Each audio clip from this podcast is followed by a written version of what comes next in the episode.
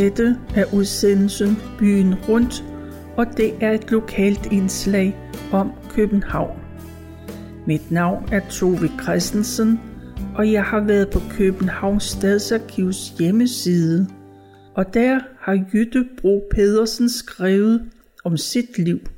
Hun var 71 år, da hun skrev sine erindringer. Og Jytte Bro Pedersen skriver, jeg blev født i Holte i 1924. Min far var portør på Holte station, så vi boede i den ene halvdel af et af statsbanehusene. Vi havde både gas og elektrisk lys, men vi skulle udenfor for at komme på WC, der var inde i selve huset. En gang om ugen kom en natmand og tømte det. Desuden havde vi vaskehus med gruekedel, som min mor tændte op i, når hun skulle vaske. Så måtte hun op midt om natten, for det tog flere timer at få varmet det ordentligt op. Jeg synes, det var så spændende at være med i vaskehuset med de store skyllekar. Jeg sejlede med mine små legetøjsbåde og med blånelse, som svømmede rundt i vandet for at gøre tøjet så hvidt som muligt. I disse år gik jeg med lærredschamisser og bukser, der var mørkeblå og med lodden vrang.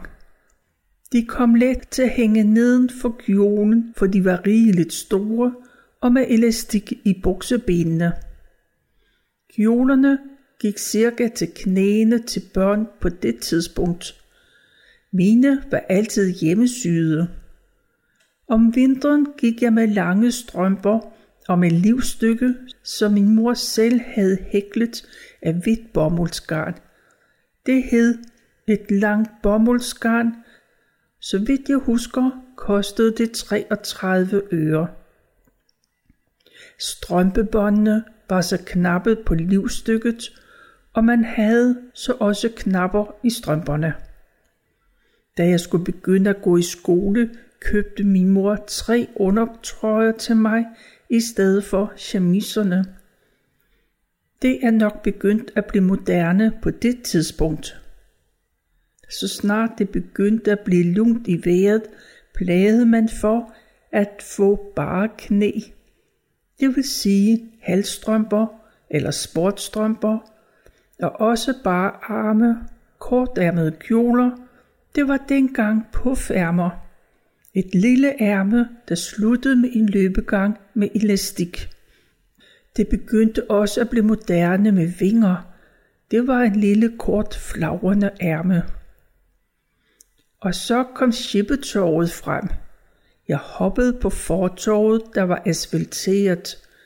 Desuden kørte jeg med min dukkevogn. En gang om ugen gik vi i bad. Det foregik i vaskehuset, hvor der blev fyret op i gruekedlen. Jeg badede i en sinkbalje, de voksne i et af de store kar. Sommetider tog min mor og jeg lokaltoget til Københavns hovedbanegård og gik ned i Istergade, for der var så godt og billigt at handle. Om sommeren tog vi også til København og gik i zoologisk have. Det var årets begivenhed. Men så var min far også med. Han havde ellers sjældent fri dengang. Vi tog med sporvognen til Pile Allé og gik resten af vejen forbi Frederiksberg Slot. Der havde min far været soldat, hestepasser for Grev Molkes hest, men det var omkring århundredeskiftet. I 1934 flyttede vi til Køge og tilbage til København til Valby i året 37. Vi flyttede til Valbygårdsvej nummer 60. Det var dengang en stille villavej. På modsatte side var der en stor park, der hørte til alders etablissement, familiejournalen og vist nok et par små blade til. For enden af vejen var der kolonihaver. På det tidspunkt var det allerede svært at få lejligheder, men vi havde da fået en fireværelses, der formidles 1000 kroner om året. Det var mange penge for os, for min far var blevet syg og måtte pensioneres fra DSB som 60-årig med en pension på kun 205 kroner om måneden. En af grundene til, at vi flyttede til København, var den, at jeg skulle gå på gymnasium og have en uddannelse, og så var det billigere og faktisk kun muligt på denne måde. Jeg var blevet tilmeldt på Rysenstens Gymnasium i en pigeskole. Det var et kommunalt gymnasie, hvor undervisningen var gratis. Men man betalte, så vidt jeg husker, 18 kroner om året for legebøgerne. Jeg begyndte i anden mellemskoleklasse, hvor vi var 33 børn i klassen. Men det gik der udmærket af den grund, der var orden og disciplin. Her var bare gamle lærere, adjunker og lektorer under en kvindelig rektor. Jeg savnede Køge, men fandt dog efterhånden til blandt alle disse københavnere. Jeg kom hurtigt til at høre til de bedste i klassen her i mellemskolen. På det tidspunkt gik man fem år i underskolen og fire år i mellemskolen, derefter tre år i gymnasiet, der kunne være både sprogligt og matematisk. Gammelsproglige havde vi ikke på Rysensten. Jeg skulle i matematisk og havde latin i fjerde mellem, fordi min mor allerede havde fundet ud af, at jeg skulle være farmaceut. Det var også den billigste akademiske uddannelse, man kunne få. Dengang gjorde man, jeg gjorde i hvert fald, hvad forældrene ønskede. Og Gud skal lov for det. Det har jeg da senere kunne se. I tredje mellem blev jeg konfirmeret i Jesuskirken. Det var blevet moderne med lange hvide og hvide konfirmationskjoler. Men det havde vi ikke råd til, så jeg fik min kusines, der nok var lang, men lige op og ned.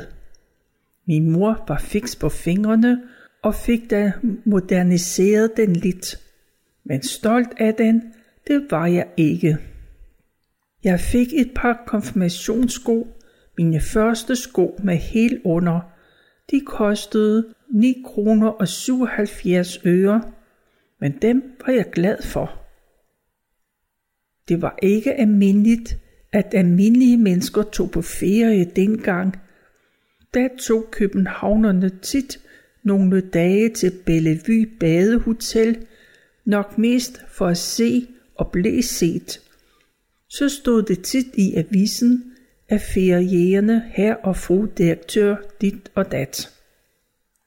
Det var cykler, sporvogne og taxaer, der dominerede gadebilledet, men dog også privatbiler, selvom der ikke var særlig mange, der havde råd til det, men der blev dog flere og flere. Den første lyskurv blev kaldt stoppenålen og opsat på Rådhuspladsen. Ellers havde vi færdselsbetjente med hjelme og hvide handsker og en hvid stav. De stod på trafikerede gadelys og slog ud med armene som sprællemænd. Neonlys og lysreklamer havde man. Dem måtte man desværre slukke under besættelsen. Vores skole havde et sommerhus i Kulhuset, som blev finansieret ved en årligt kabaret. Vi skulle søge om et ophold i en uge eller to om året. Her boede vi gratis. En økonoma lavede mad til os. Ikke overdådigt, men udmærket. Det lå lige ved vandet. Vi boede fire og fire i små køjerum, og holdt selv rent. Vi gik i vandet, spillede bob og lavede små komedier. Og her var der engang ved at gå galt. Vi havde lavet en komedie. Vi var klædt ud i hjemmelavet og for håndværende tøj, for det var under besættelsen. En pige havde klædt sig ud som Hitler og stod og råbte, Ein Volk, ein Reich, ein Führer. Hun var så utrolig morsom, så en af de andre piger havde beskrevet dette til en veninde, der boede i Sverige. Tyskerne havde på en eller anden måde opsnappet det brev. Der var dengang censur. Pigen måtte i forhør, men der skete hende nu ikke noget. Hun blev bare noget chokeret. Den årlige kabaret foregik i skolens gymnastiksal. Man skulle melde sig med sang eller musik, eller en hjemmelavet komedie. Vi skulle jo have penge i kassen, så vi bagte kager, pressede citroner til lemon squash, lavede te og kaffe. Da det slap op under besættelsen, blev det til erstatning. Nok hyben te og skodsborg kaffe, eller noget andet mokka de plør, som vi kaldte det. Familie og venner kom og så på. Jeg har desværre glemt, hvad dette kostede alt sammen, men det gav dog hvert år penge nok til at afholde udgifterne. Vi måtte ikke holde skolebal for vores lægter. Hun ville ikke have rystet sommerfuglestøvet af vores vinger, som hun udtrykte sig. Og jeg tror som man også det lykkedes hende ret godt. Det var nok alligevel ikke så svært på det tidspunkt. Vi var som mænd så unge, dydige og uskyldige. Der var ikke noget, der hed seksualundervisning dengang, men vi havde en biologilærerinde, for øvrigt skolens yngste lærerinde, hun havde en anden mening end vores rektor. Hun lærte os både om de mandlige og kvindelige kroppe. Det stod jo nok i lærebogen. Men hun gik videre og talte om prævention. Det var måske også lettere, fordi vi kun var piger, men vi lyttede interesseret. Vi fik dog besked på, at hvis rektor kom ind ad døren, ville hun straks tale om noget andet, og vi måtte ikke tale om det på skolen. Men vi var hende meget taknemmelige, og rektor opdagede det aldrig. Til syneladende. Hun havde ellers selv seks børn, men det var vel efter reglementet på dette tidspunkt. Jeg gik i matematisk gymnasium og havde latin i fjerde mellem, fordi jeg skulle være disciple, som det hed på et apotek. Ellers blev det kun krævet til sprogligt gymnasium. Og hvordan så I så ud i hårdt, spørger mit barnebarn. Da jeg skulle konfirmeres, de fleste havde halvlangt hår, det vil sige til skuldrene så fik jeg allernådigst lov til at blive permanent røllet i spidserne. Jeg tror, det kostede 15 kroner. Permanenten ødelægger hårdt, mente min mor. Hun havde selv et stort, tykt, naturkrøllet hår. Ellers brugte vi papillotter. I mangel på bedre brugte vi små stykker WC-papir og elastikker men man kunne få papillotter af metal eller små bløde læderpinde. Vi havde et gammelt krøllejern, som blev varmet på gassen. Det brugte min søster. Elektrisk krøllejern fandtes ikke dengang. Men der kom hurtigt bedre permanentvæsker, og det blev mere almindeligt. Alle havde radio, men ingen havde fjernsyn så vi gik i biografen i stedet for. Og dem var der mange af i København. I Palladium kom der et kinoorgel. Det var en mægtig begivenhed. Hvad var billetpriserne? Mine veninder og jeg sad gerne på første række på balkongen. Det kostede 1 krone og 5 øre i palads. Filmene Dronningens elsker, Robin Hood, To byer og Den røde pimpernel. Vi græd vores modige tårer over Marie Antoinette og Greve Færser, der stod og lyttede til trommevivlerne, da hendes hoved var faldet for guillotinen, og de strikkende ro tilskuere jublede hver gang, der faldt et hoved. Og hvad spiste vi? I madpakkerne havde leverpostej, ost, måske frikadelle, med en eller anden salat, sillepostej for eksempel. Og middagsmaden kunne være frikadeller med sovs og kartofler, medisterpølse, boller i ris og kaj og fisk af forskellig art. Man spiste nok gennemgående feder og tunger og mindre varieret end i dag. Nogle fik to retter. Først søbe med drøg på kødet. Steg var noget, man mest fik om søndagen. Hos os skulle den vare i flere dage. Man kunne få meget ud af et stort stykke kød, hvis man var lidt opfindsom. Junk food eller fast food kendte man naturligvis ikke. Det fænomen kom senere fra Amerika. Når folk var overvægtige dengang, skyldes det nok mest den fede flæsk og de opbagte saucer. Mange smurte også tykt smør på brødet, bagte mange kager, spiste søde desserter med flødeskum eller kogte cremer, og hvad man ellers kunne finde på af uhumskheder. Livet gik sin vante gang i vores lille fredelige land. Der skete kun et eller to mor om året. Så kunne man følge med i dem alle. Og så kom 1939. Men det var ude i den store verden. Værre var det, da vi kom til 1940, så rykkede det nærmere, og den 9. april 1940 blev en sort dag for os. De fem besættelsesår startede og forandrede vores liv og tilværelse for os alle. Det blev aldrig mere det samme. Folk ændrede sig, mange blev så forråde, og i dag tør folk ikke vidne eller blande sig. Jeg tror, det stammer fra stikkermentaliteten. Folk er så redselslagende for at blive betragtet som en slags stikkere. De er simpelthen ikke i stand til skældne.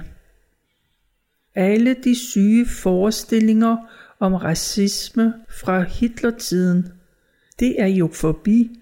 Det har heller ikke noget at gøre med alt det, der foregår i dag. Der sættes forkerte gloser på. Jeg husker tydeligt den 9. april. Da vi vågnede om morgenen, var himlen helt sort af alle de tyske Messerschmitt-maskiner, der cirklede i lav højde over hele København. Jeg var 15 år. Om jeg blev bange? Nej. Sagens alvor gik først op for mig senere.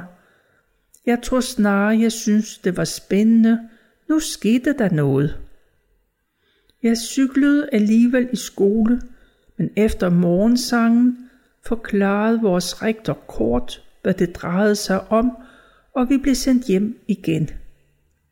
Hjemme havde mine forældre travlt, for det var blevet pålagt os igennem radioen, at vi skulle mørklægges. Det var sorte rullegardiner af stof eller papir. Vi satte mindre pærer i lamperne, i sporvogne var der også kun ganske svagt lys. Man blev opfordret til at gå med hvide armbind, så man blev mere synlig i mørket. Hele Danmark skruede ned for blusset. Benzin blev rationeret og forbeholdt læger, ambulancer og al nødvendig kørsel. Tyskerne tog selvfølgelig bare det, de skulle bruge, og betalte med værdiløse penge. Vi har nok vist aldrig fået alle de penge, uvist af hvilken grund. Efterhånden voksede modstanden mod tyskerne. Vi havde mange landsforrædere, de sortklædte hippofolk, Schalburg-korpset osv. Dem var man mest bange for. Stikkerbegrebet opstod, det blev en ond tid.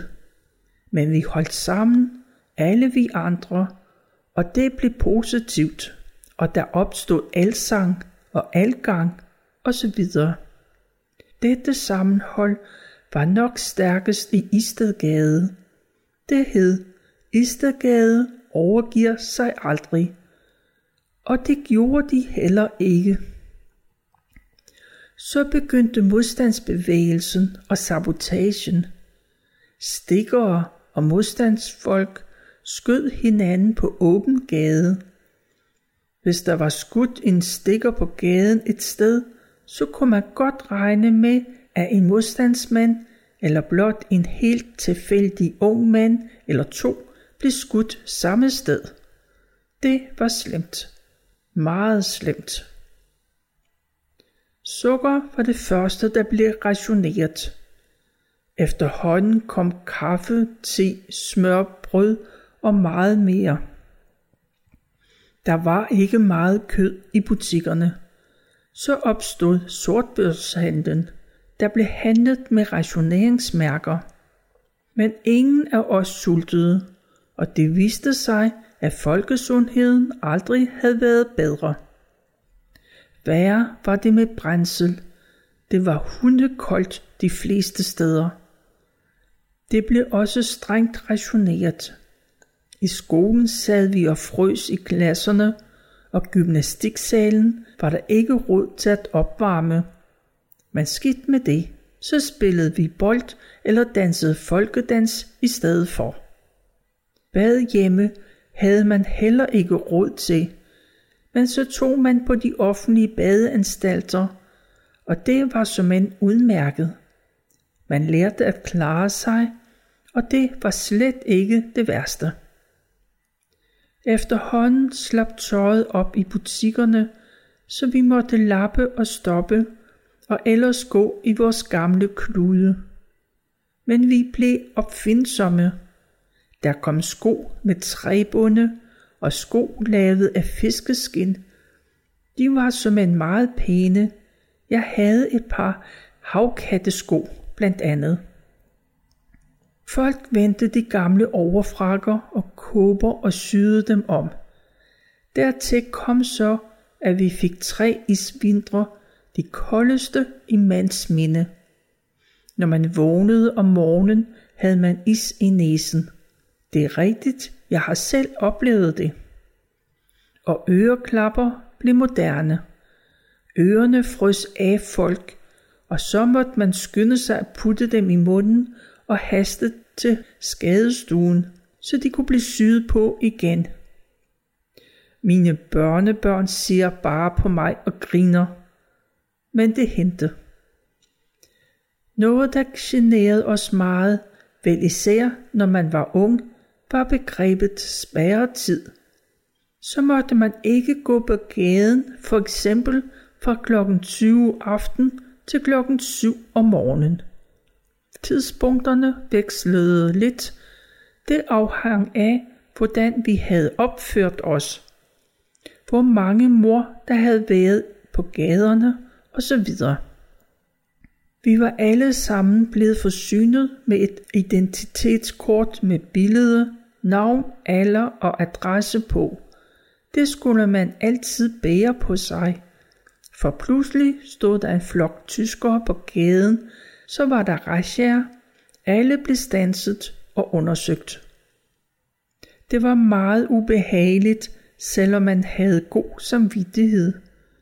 Men visse personer havde passersedlen. Det vil sige, de måtte færdes under spærretiden. Det kunne være læger og folk, der skulle til nattjeneste. Vi andre måtte bare blive hjemme. Det var værst i de lyse sommeraftener.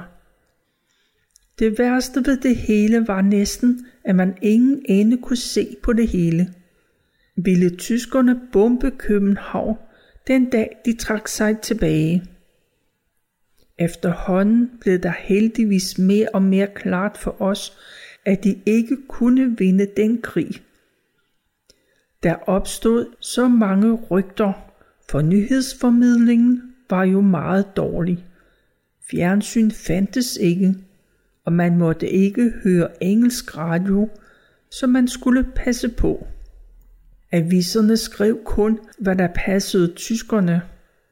Ja, der skete meget. De tog vores politi, hvad der nok var noget af det værste. Ikke blot for alle de stakkels politifolk, men nu havde vi da hverken lov eller ret på gaderne. Det var forbavsende, så pænt danskerne opførte sig. Der blev oprettet nogle private vagtværn. Men igen, vi holdt sammen og passede på hinanden så godt vi kunne. Nutidens danskere kan slet, slet ikke sætte sig ind i vores situation dengang. Og så havde vi jo også vores samlingspunkt, kong Christian den 10. Han blev på Amalienborg og red hver morgen sin tur på sin hest ubeskyttet. Og hvem beskyttede ham, blev der spurgt. Alle københavnerne.